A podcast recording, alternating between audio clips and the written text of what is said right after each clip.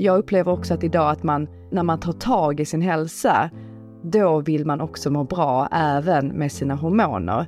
Jag har börjat förstå att kvinnor prioriterar sina hormoner och sitt mående precis på samma sätt som de prioriterar kost och träning. Det är liksom en del av hälsan. Så att jag tycker att det verkar som att det går åt rätt håll, men eh, det är ju eh, ledsamt att se att det är många som mår väldigt dåligt. I dagens avsnitt har vi med oss Naomi Flamholk som är allmänläkare och grundare av Womni. Och Womni är en vårdplattform för kvinnor speciellt inriktad på klimakteriet. Och vi kommer komma in på allt som har med klimakteriet och för klimakteriet att göra.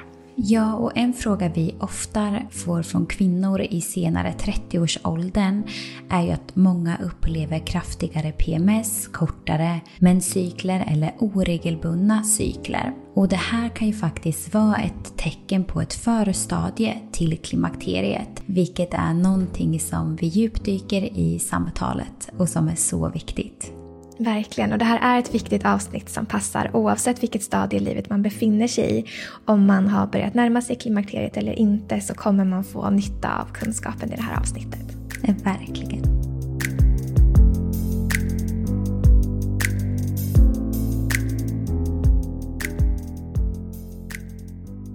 Varmt välkommen hit Naomi. Tack så jättemycket. Jättekul att ha dig med. Tack. Idag ska vi prata om eh, förklimakteriet och klimakteriet.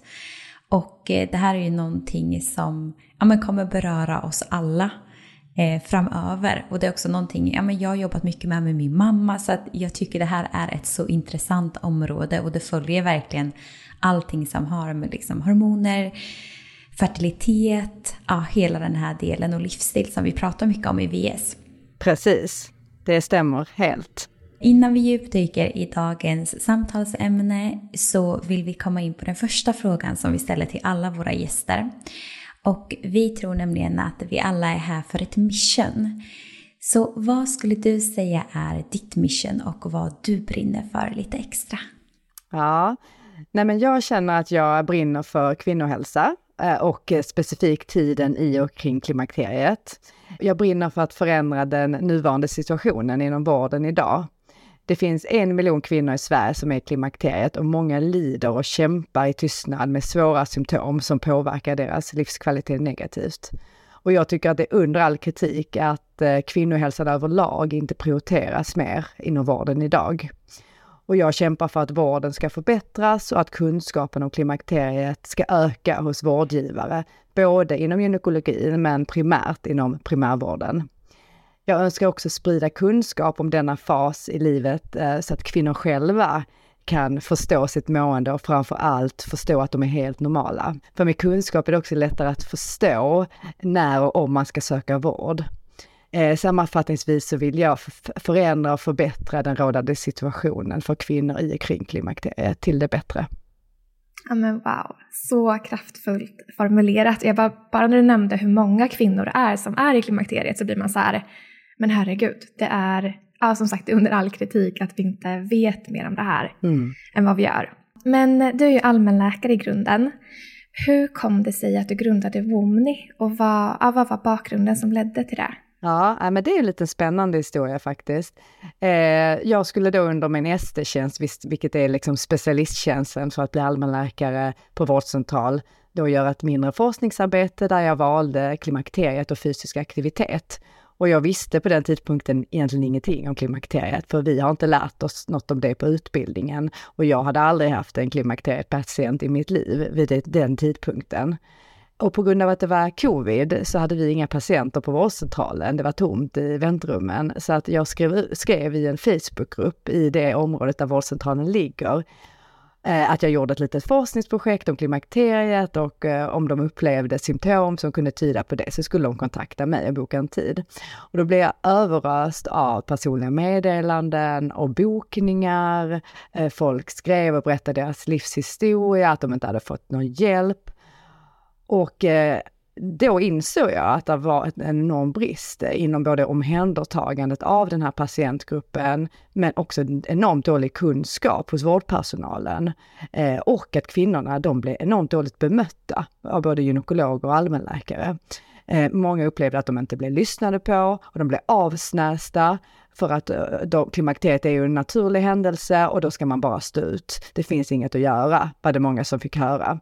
Så det var egentligen i ilska och så frustration som jag startade Omni med en väninna som eh, är mer ekonom och entreprenör. Eh, och vi såg då att situationen var markant värre i resten av landet än vad den är i innerstan Stockholm, där jag arbetar. Eh, så att egentligen det jag hade sett, det var egentligen bara toppen av ett isberg. Eh, och, och, det vi då med WOMNI vill göra är att vi vill erbjuda då jämlik och tillgänglig vård för kvinnor i hela landet. Och vi är då väldigt nischade och vi är uppdaterade och baserar all eh, vår kunskap och forskning och nationella riktlinjer. Eh, och, och klimakteriet handlar mycket mer om livet än bara underlivet. Så hos oss arbetar både gynekologer, allmänläkare, sexologer, barnmorskor och samtalsterapeuter. Så det var historien wow. bakom Bromni. Ja. ja. Så mäktigt. Mm, alltså vi känner igen det så mycket också det här med att man inte har känt sig hörd. Det är någonting vi verkligen möts av i Women's Sync. Ja, men hela tiden att man söker hjälp men känner inte att man blir bemött och får väg, vägledning framåt eller ens blir, ja men att man ens får, eh, att ens, ens problem ens blir typ accepterade och eh, ja, att man kan bli avsnäst att det är inte ett problem egentligen. Så det är superviktigt att ja, att bara lyfta den delen, att bli lyssnad på. Mm, verkligen. Och jag är så nyfiken och vi kommer ju komma in på det här senare i samtalet på att höra lite mer hur ni jobbar eh, med just de symptom som många kvinnor kan uppleva under den här perioden. Men jag tänkte egentligen att vi kanske ska börja i rätt ände. Eh, och om vi börjar från början för att skapa en grundförståelse. Vad innebär egentligen klimakteriet? Mm. Jättebra fråga för att det är faktiskt många som inte vet, eh, även vårdpersonal. Så att klimakteriet är en lång period från att hormonerna börjar förändras och det varar egentligen till sista menstruationen, det som kallas menopaus, och sen fortsätter det i flera år efter den tiden. Det är alltså den tiden från att man går från den fertila tiden i livet när man kan få barn till den icke-fertila liksom, perioden i sitt liv. Klimakteriet varar vanligtvis i 5 till 10 år, men eh, det, kan, det är såklart helt individuellt mellan kvinnor. Hos en del kvinnor varar det livslångt. Man kan dela in klimakteriet i olika faser för att göra det lättare att förstå. Premenopaus kallar jag typiskt helt starten av klimakteriet och då får man ofta något lite kortare cyklar. Säg att genomsnittet är 28 dagars cyklar så kan man notera att man får 26 dagars cyklar. Samtidigt får många kvinnor värre PMS. Och detta går ofta ut över deras liv väldigt mycket. Eh, detta brukar starta hos många kvinnor efter de får sitt sista barn, för idag får vi ju barn mycket senare än vad man fick tidigare. Så runt slutet av 30, starten av 40-årsåldern. Från perimenopaus så går man in i det som mer kallas förklimakteriet, men jag kallar det perimenopaus. Och anledningen till varför jag inte kallar det förklimakteriet är att jag tycker det låter fel. Det låter som att det är en tid innan klimakteriet. Men det är ju den största delen av klimakteriet som ofta är den jobbigaste för många kvinnor med väldigt många symptom. Så för klimakteriet eller perimenopaus, då får man typiskt oregelbundna cyklar. De kan bli långa och det kan vara väldigt kraftiga blödningar. Detta då kan då kombineras med en eller flera typiska klimakteriesymptom. Ofta inträffar detta runt, jag nu generaliserar men runt 45-årsåldern, men det kan vara tidigare också. Um, och efter detta så går man in i den sista menstruationen och det kallas menopaus. Så menopaus är egentligen bara ett tillstånd. Eh, man definierar det som ett år efter den sista mensen så har man kommit i menopaus. Eh, tiden efter detta kallas postmenopaus och en kvinna befinner sig egentligen i det i resten av sitt liv. Det karaktäriseras av torra slemhinnor i underlivet, skav, irritation, eh, urinvägsinfektioner, men också andra klassiska eh, klimakteriesymptom kan man ha och fortsätta ha under den här perioden. Det är lite grovt om indelningen, men jag tänkte jag skulle också komma in på mer klassiska symptom. Ja, för det som kommer till mig är att vi får ju väldigt många DMs från kvinnor som upplever olika utmaningar och hormonella obalanser. Och ett tema jag har sett är kvinnor som kanske är runt 35. Man märker att man har fått kraftigare hormonella obalanser, man har fått mer PMS. Det makes so much sense för att för mig som har kunskap och medvetenhet så har jag förstått att det här kan vara ett symptom på ja, men, det här första steget inför förklimakteriet. Så jag tycker det här är så viktigt mm. att lyfta, för det skapar ju också förståelse för dem och medvetenhet framför allt för de som är där. Att det faktiskt kan vara där. Mm. Precis, jag håller mm. helt med dig. En fråga som kommer till mig också i det här är ju frågan om när går man då till att bli infertil? För jag tror att det är där många kvinnor också är rädda för när man kanske börjar misstänka att det är klimakteriet som är på gång. Så när är steget över då i det här sista steget? Mm, precis, och det är ju väldigt individuellt när man inte kan få barn mer. Klimakteriet, det är ju en period när äggstockarna börjar producera mindre ägg.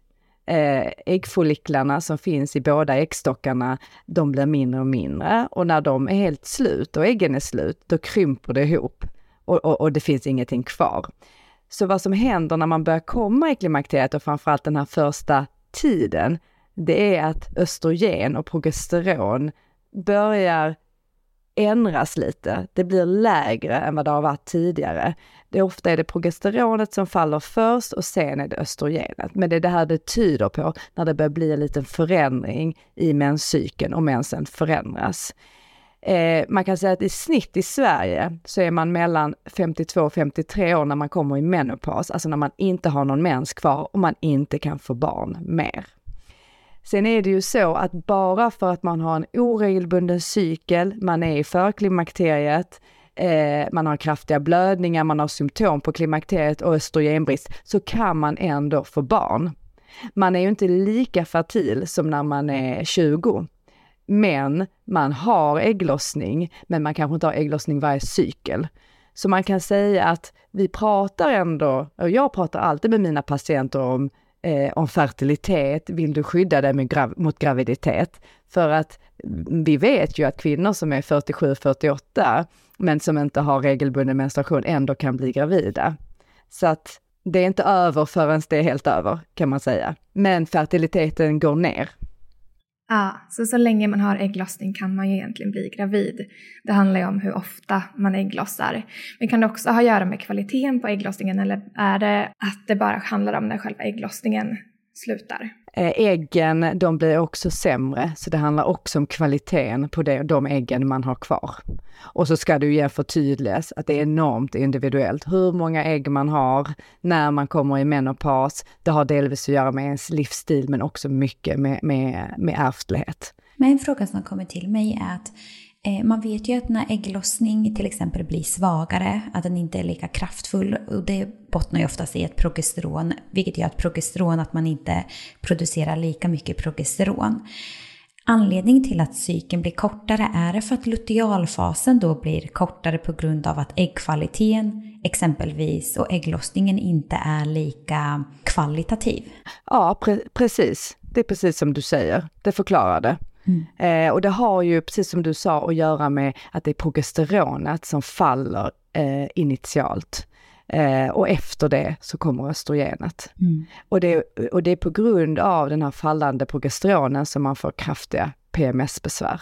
Man vet inte riktigt grunden till varför man får PMS-besvär, men forskning tyder på att det är nedbrytningsprodukten av progesteron som gör att man mår väldigt dåligt, framförallt psykiskt, under PMS, alltså från ägglossning till mens. Och jag kan ju tänka mig att de som lyssnar nu och framför allt de som kanske är i de här lägre åldrarna och bara, men oj, är det förklimakteriet jag börjar hamna i? Kan man på något sätt förebygga det här? Man, man kan säga så här, alltså ens livsstil spelar ändå in både på hur man mår eh, och hur man kan hantera hormonella förändringar. Så att jag skulle säga att en bra livsstil och då, och då menar jag sömn, stress, återhämtning, kost, motion eh, framför allt. Att man tänker över detta för att om man har en balans i livet och en bra livsstil, då upplever man ofta klimakteriesymptomen som mildare och man har samtidigt lättare att hantera dem. Ett av de vanliga symptomen i klimakteriet är de psykiska och då är det framför allt att man har svårare att hantera stress. Tidigare i livet kunde man kanske ha tio bollar i luften, man behövde inte sova, man kunde så mycket, men man orkar inte det när man kommer i klimakteriet och det kan stressa en enormt mycket eh, och påverka ens liv mycket. Så om man innan man är mitt uppe i ett brinnande förklimakterie försöker tänka på sin livsstil, eh, då, då, har man i varje fall gjort det man kan. Sen är det som sagt det här att när man kommer, i varje fall i menopaus, alltså sista menstruationen, det är främst ärftligt. Eh, det har också att göra med ens etnicitet, var man kommer ifrån. Eh, I Sverige är vi relativt gamla när vi kommer i menopaus i förhållande till till exempel Asien. Eh, men sen kan till exempel rökning, det, kan, det gör att man kommer i menopaus cirka två år tidigare än vad man hade gjort om man inte hade rökt. Intressant. Mm. När du nämner de här genetiska sakerna, jag vet att jag läste eller om jag hörde någonstans att det har att göra med också när man kom in i, alltså när man började få mens. Stämmer det? Ja, det är väldigt intressant. Eh, man kan säga att man spekulerar över om det jag kallar menark, alltså första menstruationen, om det hänger ihop med eh, tidpunkten av menopaus, sista menstruationen. Inte när man kommer in i klimakteriet, men när man slutar blöda. Eh, det finns lite forskning om detta, men det finns ingen konklusiv forskning när man tittar internationellt som säger att tiden för första mensen hänger ihop med menopaus. Så man vet inte helt enkelt. Men det är en jättebra tanke. Man har ju spekulerat över om kvinnor som tar p-piller i stora delar av sitt liv, eh, sitt unga liv och därför inte har ägglossning, om de sparar på sina ägg eh, och därför skulle komma i menopaus senare. Det finns faktiskt vetenskap som tyder på det, men inte heller att det är konklusivt. Mm, jätteintressant, för jag tror jag hörde i samband med forskning om ja, men hur mycket gifter och den typen av kemikalier vi får i oss i vår livsstil, att den påverkar att flickor får bröst i tidigare åldrar och därmed också kommer in i eh, menarken då tidigare. Och vad det då skulle kunna ha för långsiktiga effekter. Men som sagt, det är väldigt tidigt i forskningen, men det är otroligt intressant. Verkligen, verkligen. Men det, jag är nyfiken på att höra dina tankar kring det, för att det man har sett senaste åren, också kopplat till forskning, är ju att vi faktiskt har möjlighet att påverka äggkvalitet. Annars när man har pratat om det här ämnet så har ju det varit väldigt frånkopplat utan det är någonting som bara är och det är ingenting som du själv kan påverka.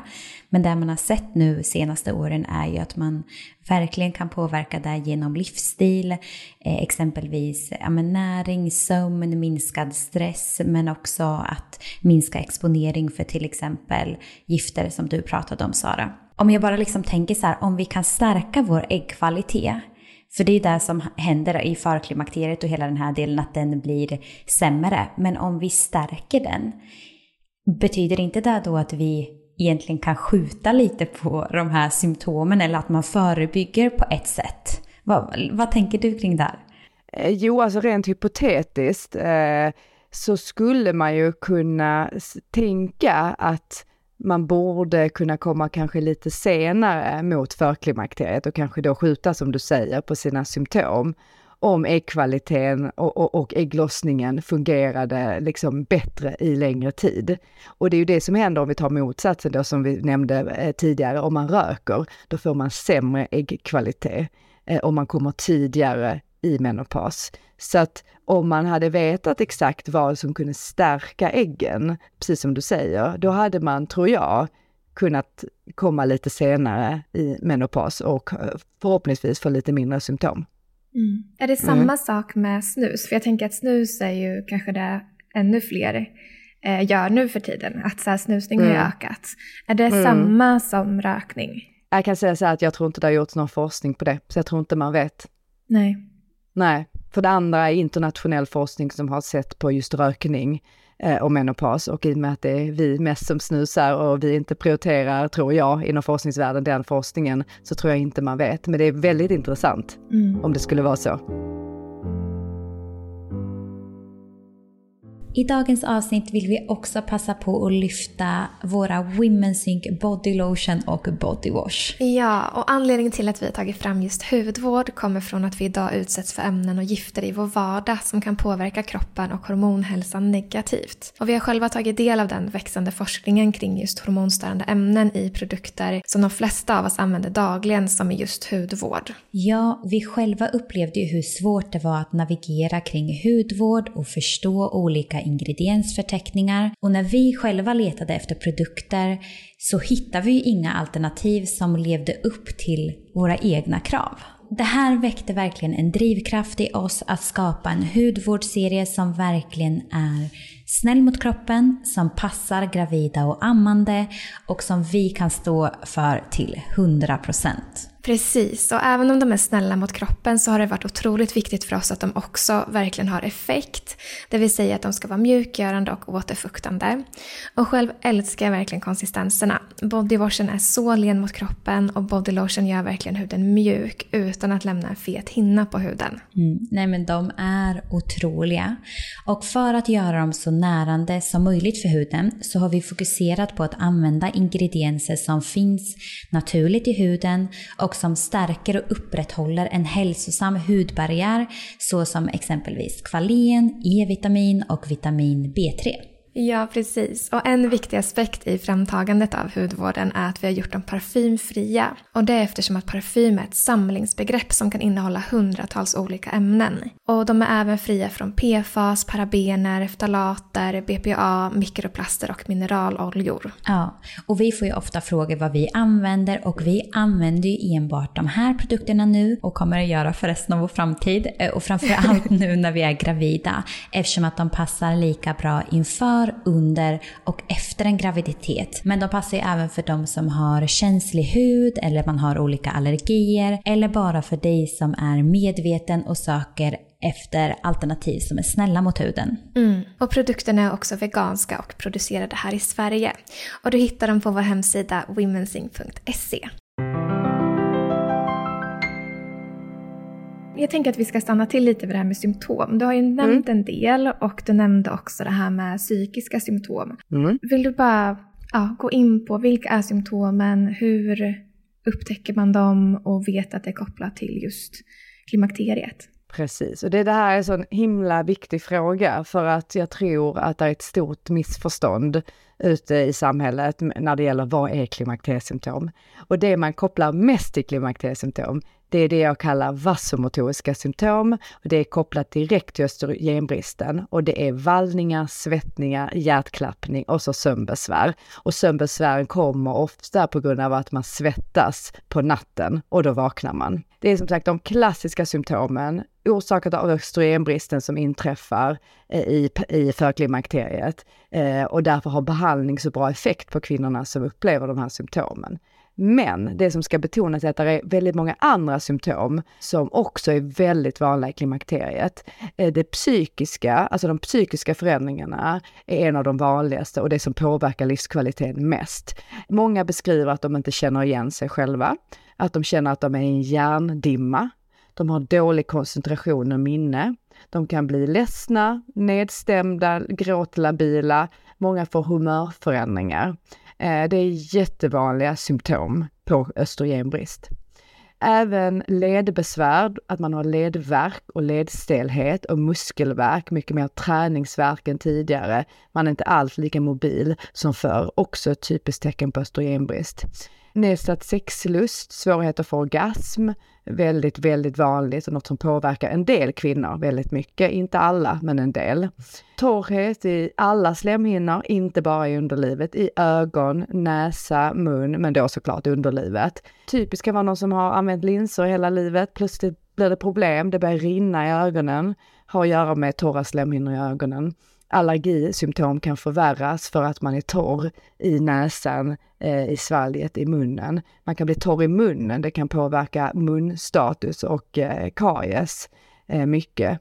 Sen har vi då såklart underlivet, torra slemhinnor, skav, irritation, man kan få sår. När man blir torr i underlivet och man får eh, lite östrogen i underlivet så kommer det också påverka urinvägarna vilket leder till eh, urinvägsinfektion. Man kan få urinvägsinfektion ofta, även om man aldrig haft det tidigare. Man kan få problem med inkontinens, alltså att man läcker. Väldigt många kvinnor läcker ju efter sina graviditeter lite, eh, till exempel vid hopp eller vid skratt eller eh, när de springer eller de gör squats och benböj. Det finns alla varianter, men många har ju problem på något sätt efter graviditeter och förlossningar. Detta kan förvärras under klimakteriet på grund av östrogenbristen. Sen är det många som beskriver eh, kroppsliga förändringar, eh, migrän, att det förvärras eller tillkommer. Många beskriver att de tappar hår, eh, huden förändras, blir mer torr, irriterad, man får mer eksem. Eh, det finns över 32 symptom i klimakteriet, så dessa är bara några. Och det är så intressant det du säger, för jag har ju en resa med utebliven mens. Mm. Vilket många gånger innebär att man ligger eh, lågt på just östrogen, men också progesteron. Mm. Och många av de symptomen du nämner är ju symptom jag själv har upplevt. Mm. Just med liksom hjärndimma, torra slemhinnor, huden är torr. Alltså det är så mycket som stämmer in. Mm. Så jag kan ju bara föreställa mig hur det är för de som är i klimakteriet. Och det är där som man blir, alltså, vi behöver verkligen skapa förändring och medvetenhet så man får verktyg. För det är också som du sa i början, så många år som man faktiskt befinner sig i det här skeendet i livet. Mm. Precis, precis. Eh, och jag menar, när vi var yngre fick vi kanske information om, om mensen, vad hände när vi blev fertila? Men där är väldigt lite information eh, om det här i samhället, vad som händer när man går till den icke-fertila perioden. Så att det är enormt viktigt tycker jag också att det kommer mer ut, att man pratar om det mer, att man pratar om det på arbetsplatser. Eh, det är ju enormt många kvinnor som mår psykiskt dåligt, de sover inte, deras relation till, sina, till barnen, till, till familjen, till arbetsplatsen förändras under den här tiden och kan bli en stor utmaning. Många har ju gått till primärvården, sagt att de mår dåligt och har fått antidepressiva. Eh, många får fel diagnos och får då som sagt fel mediciner. Man kan också se när man tittar på statistik på sjukskrivning i Sverige att gruppen som är mest sjukskriven är kvinnor mellan 40 och 60 år. Och jag tror inte att det är en slump. Jag tror att det är delvis att den här tiden, klimakteriet, eh, spelar in i detta. Att de får fel diagnos och fel behandling. Mm, verkligen. Ja men det går ju ut över så mycket som sagt. Det är ju både familj, jobb, relationer. Man har ju hört från andra kvinnor som har ja, förstått efteråt att det kanske var klimakteriet men som har påverkat att man har fått känslan av att kanske vilja skilja sig eller göra någon extremt stora livsomvälvande beslut som kanske hade kunnat undvikas om man hade fått en hjälp eller liksom förståelsen för vad det var som hände. Mm, precis. Och det är också en tid i livet, jag tänker, som man har väldigt många bollar i luften. Just med man kanske har familj, man är mitt i karriären, det är ja, men, åren efter graviditet. Alltså det är många delar i livet och att då kanske inte fungera på samma sätt. Dels skapar ju det en känsla av okej, okay, vad är det som händer? Men sen också att inte uppleva det välmående livskvalitet som man faktiskt kan och vill är ju, ja men det är ju en sorg i det. Så det är jätteviktigt att förstå, för då kan man ju mer, okej okay, det har med det här att göra och hur kan jag stötta?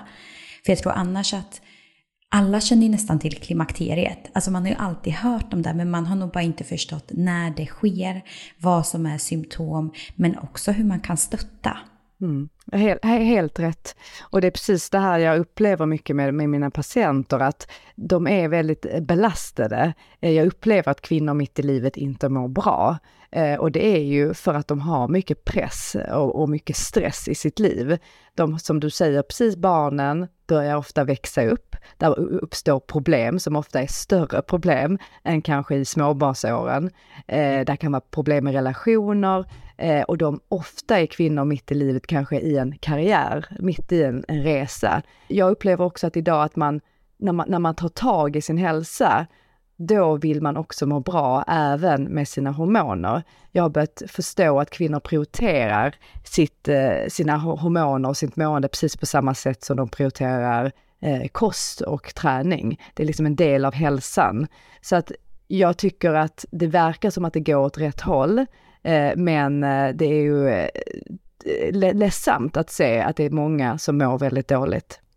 Mm. Men när det kommer till eh, livsstilsråd, du var inne på att det är ändå en del av hur ja, du pratar med dina patienter. Vilka mm. råd brukar du ge kring livsstil när du möts av de här kvinnorna? Ja, när jag träffar dem, om det då är digitalt eller fysiskt, ofta just nu digitalt, då eh, har de fått fylla i ett hälsoformulär innan. Där fyller de i om de har några sjukdomar, om de tar några mediciner och sen hela egentligen sin historia rent medicinskt. Men också fyller de i eh, om de tränar, om de röker, om de dricker alkohol, eh, deras vikt och vad de har för BMI. Så att vi pratar ju mycket om deras livsstil och då utgår vi först i hur ser det ut idag? Eh, röker du? Alltså pratar vi om att man inte ska röka. Har de högt BMI, vilket många kvinnor har idag, eh, jag skulle säga runt 30 och över är ganska vanligt. Då pratar vi mycket om vikten, vad finns det för risker med övervikt, hur kan det påverka klimakteriet men också andra sjukdomar. Eh, så att råden har egentligen att göra med också vem det är man har framför sig. Eh, men vikten, kosten pratar vi ju jättemycket om. Fysisk aktivitet är ju enormt viktig för att man vet att styrketräning och fysisk aktivitet generellt kan ju hjälpa, framförallt på vallningar och svettningar. Så det är ju något man betonar, eh, att det här kan hjälpa dina symptom. Sen är det ju också så att när vi har låga östrogenvärden, då får vi större risk att få eh, frakturer och benskörhet och hjärt och kärlsjukdomar, blodproppar och liknande. Så att eh, då är det extra viktigt med fysisk aktivitet. Att genom få mycket blod genom hjärtat, genom att springa eller träna på annat sätt där man får upp pulsen. Men framför allt är det viktigt med styrketräning för att stärka sitt skelett och sina muskler och bli stark. Så att man undviker frakturer när man blir äldre. Så att vi pratar mycket om, om just den fysiska aktiviteten. Eh, sen pratar vi om då återhämtning, vilket är enormt viktigt. Det är viktigt att inte stressa för mycket. Det är viktigt att ha en bra sömn, men också tänka på ens sömnhygien. Hur sover man? Hur, hur ser rummet ut när man sover? Vad har man gjort innan man försöker lägga sig? Så att man ska optimera återhämtningen och sömnen. Eh, för att den blir viktigare och viktigare ju äldre vi blir för att orka. Och till de patienter som kommer till dig, jag tänker mer så här, eh, ja men konkret med exempelvis, alltså stressen. Kan du identifiera saker som du ser som leder till en ökad stress som man kan jobba förebyggande med hemma? Ja, alltså jag tycker att det är viktigt alltid att fråga in till och det gör jag alltid. Finns det mycket stress i ditt liv? Vi har till och med det på vårt självskattningstest som alla gör hos oss, eh, som är gratis som finns på vår hemsida. Där frågar också om upplever du stress och hur mycket påverkar detta dig? Så att stressen eh, eh, ofta beskriver kvinnan själv att de har mycket stress i sitt liv och de beskriver ofta varför. Men om de inte mår bra, framförallt psykiskt, då brukar jag fråga om de har mycket stress i sitt liv. Så att då kan man identifiera det på det sättet. Eh, har man mycket belastning, man har sjuka föräldrar, man har barn som har, som har problem till exempel i skolan, man själv har ett arbete som kräver enormt mycket, då är man ju väldigt stressad och på det så kanske man sover dåligt, kan inte koncentrera sig eh, och är trött etc. Så att om man upplever att man har den här stressen, då tycker jag att det viktiga är att man att man måste förstå att man är stresstestad och ta det seriöst och förstå att det kan leda till sjukdom om man fortsätter att vara så här stressad. Har man någonting i den här stressen som man borde bearbeta, då eh, rekommenderar vi ju samtalsterapeuter. För det är jättemånga kvinnor mitt i livet som har ett bagage som har varit tungt. Och jag tror alla människor har behov av att prata med någon. Så att prata med någon som verkligen kan ta upp det här, eh, det, det, tror jag är enormt viktigt och det är något vi förespråkar också. Eh, och sen att man jobbar på det själv, att göra om sitt liv så att man upplever mindre stress. Att man ändrar sin arbetssituation om man kan, om man vill. Eh, att man planerar in mindre i sitt liv, att man har tid till den här viktiga återhämtningen. Mm, för det jag kan, som kommer till mig är ju att jag vet, jag läste här tidigare och ja, men det man har hört i sin omgivning är ju att ja, men under de här åren som du sa att det är väldigt mycket i livet samtidigt som man kanske vet att ja, men jag borde träna mer och man kanske tränar på ett sätt som egentligen stressar kroppen mer än vad det bygger upp en samtidigt som man kanske märker att okej, okay, min kropp har förändrats. De här strategierna jag hade förr i tiden när det kommer till viktminskning eller vad det nu kan vara fungerar inte.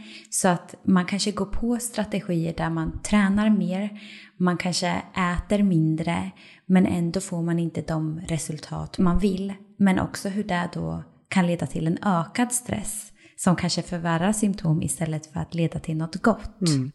Precis, jättevanligt att man sätter väldigt höga krav på sig själv. Eh, att det finns mycket i vårt samhälle idag och i, i, sociala medier som säger att man ska på det ena och det andra sättet. Eh, jag tror det är enormt viktigt att utgå från sig själv. Eh, säga vad har man för förutsättningar, vad mår man bra av? Att man försöker bena upp, ut det själv och tänka att man, man är inte och man behöver inte vara som man var tidigare. Det sker en förändring i kroppen och den här eh, förändringen påverkar jättemycket.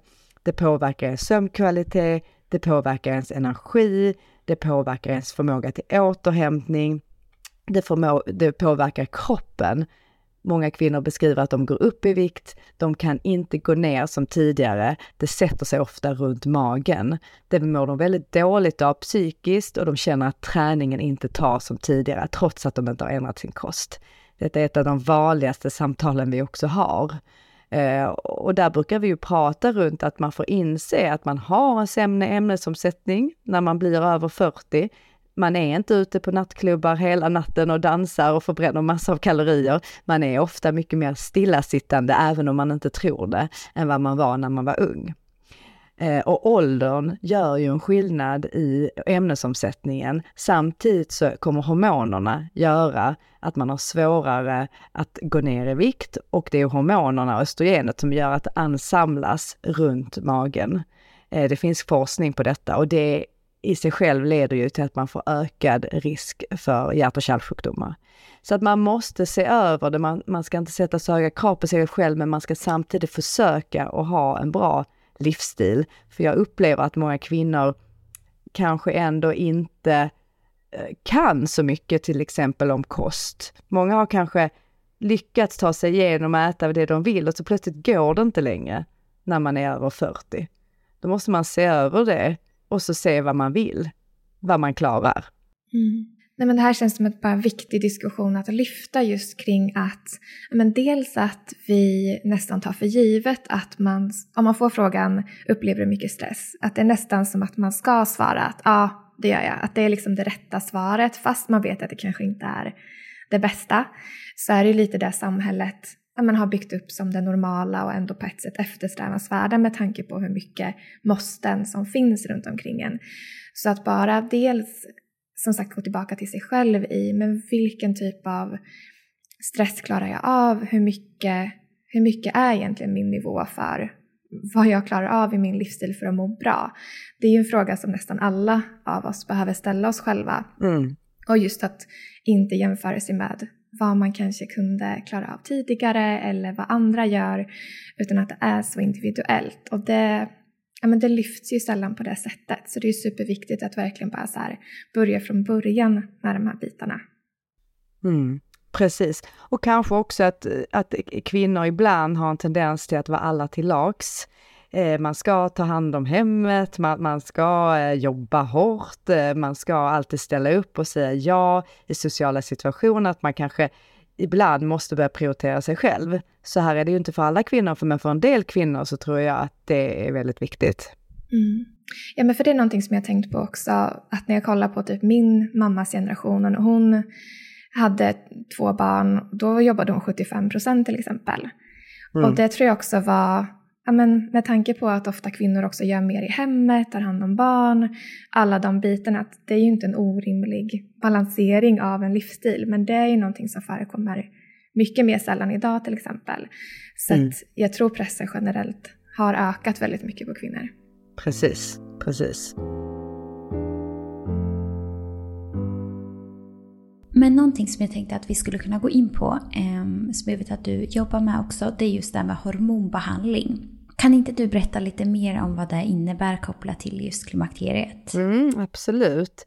I klimakteriet då är det så här att man, eh, de främsta symptomen man upplever orsakas av östrogenbristen. Men vi har ju pratat om progesteron innan, vilket är gulkroppshormonet. Det sjunker också i klimakteriet. Det är det som eh, dominerar under PMS problematiken, men det är också det som gör att många kvinnor inte mår helt bra. Så man måste ge både progesteron och östrogen när man hamnar i klimakteriet. Eh, egentligen så är det det man gör att man behandlar med östrogen och så lägger man till gulkroppshormon, eh, alltså progesteron, för att inte livmoderslemhinnan ska bli tjock. Det är det som är indikationen. Jag måste ge progesteron till en kvinna som tar östrogen för annars blir livmoderslemhinnan tjock och hon kan riskera att få cancer. Det är så man tänker i både p-piller men också i eh, hormonbehandling i klimakteriet. Eh, det jag då eh, vill ändå hålla fast vid är att jag tror att kvinnor behöver lite progesteron när progesteronen eh, sjunker. Jag tror inte bara att de behöver östrogen utan att man måste få en balans i de här värdena. I klimakteriebehandling i förhållande till behandling när man tar preventivmedel så hjälper de, de skyddar inte mot graviditet för de är inte så starka. De är markant svagare än i preventivmedel. Det enda som skulle skydda mot en graviditet i klimakteriebehandling är en spiral som man också kan ge som preventivmedel. Det är det grundläggande i behandlingen. Eh, östrogen kan man ge genom huden. Jag kallar det transdermalt. Det finns gel, det finns spray och det finns plåster då blir det ett lite svagare upptag än när man tar det genom munnen i tabletter och det ska gå genom mag-tarmkanalen och genom levern. Annars kan man ta östrogen i tablettform. Man kan ta det i kombination mellan östrogen och progesteron i både tabletter och genom huden. Eh, när det gäller progesteronet så finns det syntetiskt gestagen som är det klassiska som man har i, i p-piller och i minipiller. Sen finns det bioidentiskt progesteron som är lite mer kroppseget. Och det finns i, i två olika varianter kan man säga. Ett som är helt bioidentiskt och ett som är nästan bioidentiskt. Eh, och, och, det kan man ta i underlivet som en vaginalkapsel eller i munnen. Så att hormonbehandling i klimakteriet är lite mer komplext kan man säga än preventivmedel eh, som man tar för att skydda mot graviditet oftast. För nu nämnde du det här kring bioidentiska hormoner eh, som ett alternativ, men det är, är det någonting som man kan få utskrivet på, ja, men, av den allmänna vården eller behöver man söka sig till andra ställen för att få det? Ja, väldigt bra fråga.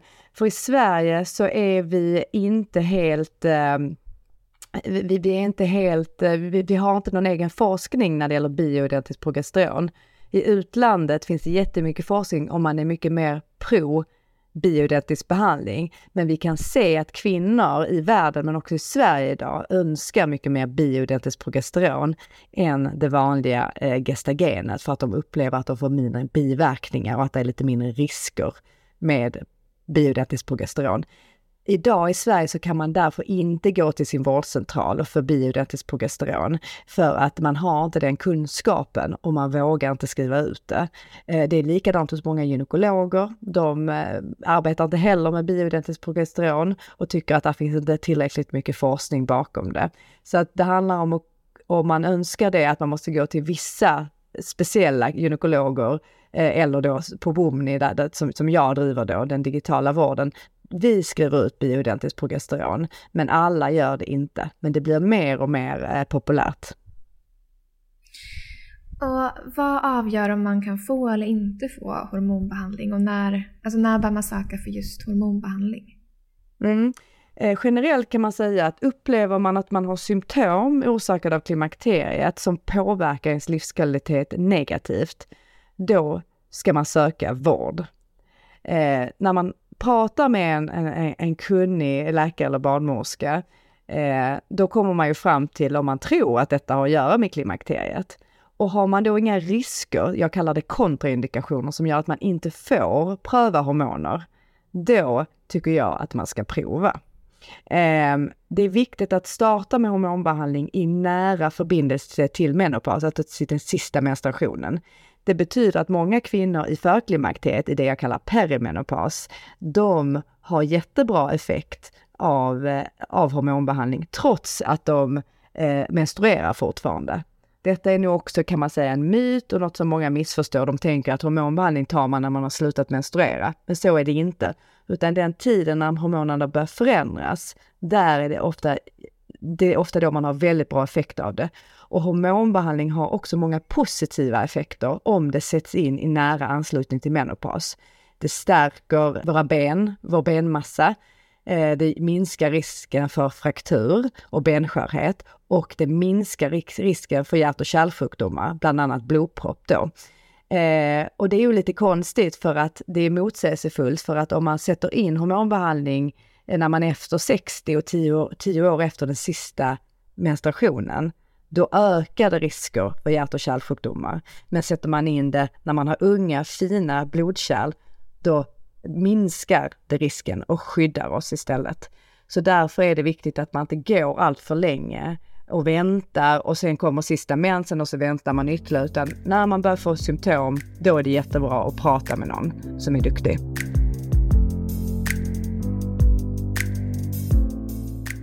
När det kommer till hormonbehandling, vad finns det för eventuella biverkningar, för och nackdelar med den typen av behandlingar? Ja, nej men som jag eh, nämnde tidigare så, så kan man säga att fördelarna med hormonbehandling eh, det är att det minskar risken för hjärt-kärlsjukdomar och eh, sannolikt minskar det risken för demensutveckling och det stärker skelettet eh, och minskar risken för benskörhet och fraktur om det sätts in i nära förbindelse med sista menstruationen, alltså några år innan eller några år efter.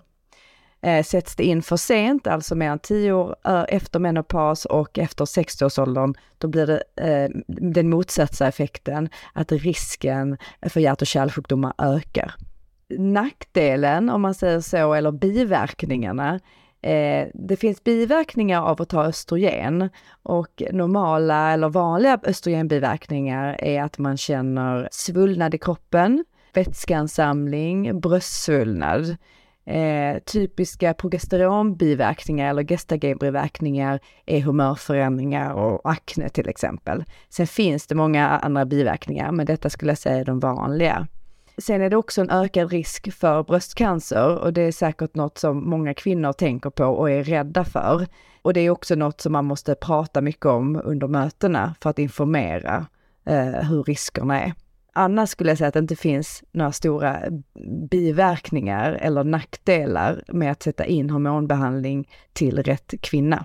Ehm, och någonting som vi vet drabbar vissa kvinnor är tidig menopaus som även kallas mm. POI.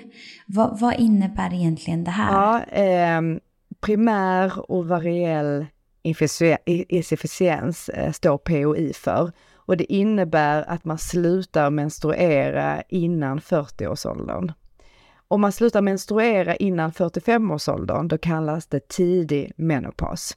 Så att jag brukar ibland bunta ihop det och säga, menstruerar man innan 45 års ålder, då är det något som inte är, är, är normalt. Det är inte det som är det normala förloppet. Eh, POI eh, in, inträffar runt 2 3 procent av, av kvinnorna i Sverige har diagnosen POI. Runt 5 procent har diagnosen tidig menopaus. Och de här diagnoserna är underdiagnostiserade i Sverige. Det är något eh, som missas ofta, det kan felbehandlas eh, och det är något som ibland kvinnorna som får diagnosen, de tar inte alltid de, det som rekommenderas när det gäller medicinering om man har de här diagnoserna. Eh, man kan säga att POI, det finns två former, en som heter, som orsakas av primär amenorré, vilket betyder att man kommer aldrig i menark, man får aldrig sin menstruation när man är ung. Sen finns det då den här som heter sekundär amenorré, vilket betyder att man slutar blöda eh, tidigare än förväntat och det är det som vi pratar om nu i förbindelse med klimakteriet. Och när det gäller då fertilitet, vilket då såklart någon med POI blir väldigt orolig över, eh, för att då tänker de att de inte kan få barn, så är det ju att det är en minskad möjlighet att, eh, att vara fertil och få barn när äggstockarna eh, inte fungerar eh, på samma sätt och äggen eh, börjar ta slut, vilket händer vid POI. Eh, däremot ska ändå sägas att det är en del kvinnor som blir spontant gravida åren efter de har fått eh, eh, eh diagnosen eh, enligt forskning runt 5 10 procent. För att det är en viss aktivitet i äggstockarna i, i några år efter eh, sista menstruationen. Så att det är absolut inte omöjligt. Eh, och annars så, så, får man ju såklart få hjälp att, att få barn om man önskar det på annat sätt.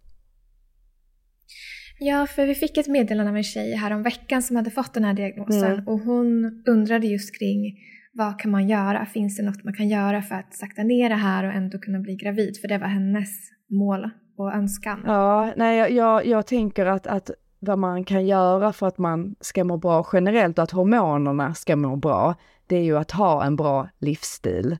Eh, viktigt det vi har pratat om flera gånger, ha bra sömn, prioritera den, prioritera återhämtningen, eh, träna men lagom mycket, inte för hårt, inte vara underviktig, äta bra varierad kost.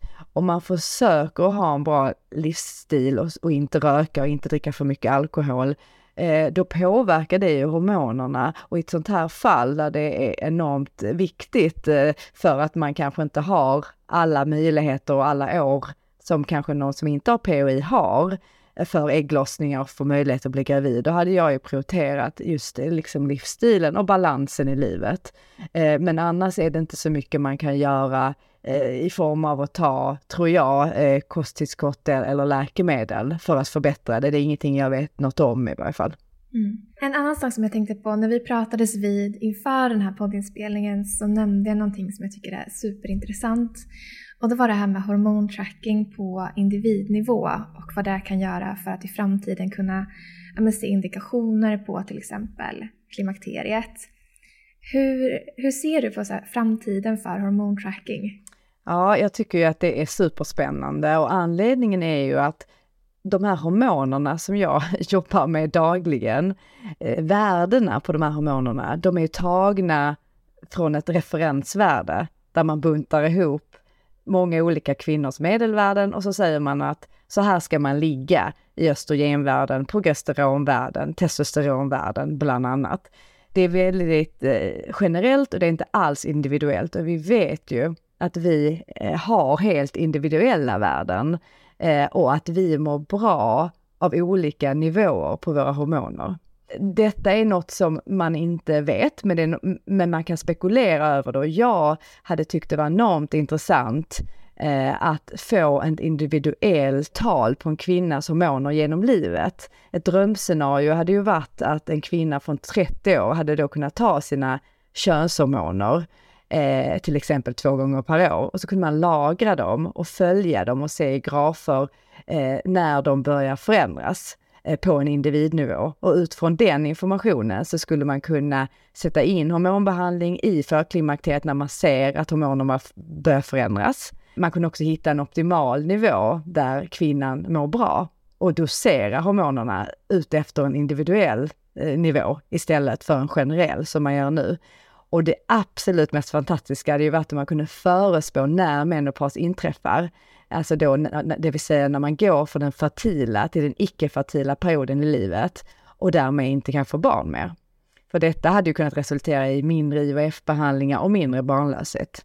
Mm. Wow, så intressant. Verkligen. Det, det, hoppas vi på framöver. För det är verkligen att jobba förebyggande men också att skapa mer medvetenhet hos individen själv. Precis eh, och förstå sig själv Eh, och sina hormoner. För det är ju som du säger att nu utgår man från en referensmall som inte behöver kanske alltid stämma exakt med en själv. Precis. Och man kan ta bland annat exempel som testosteron.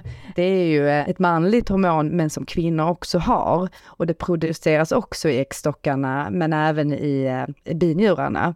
Men det betyder att vi som kvinnor får ju också lägre testosteronvärden ju äldre vi blir.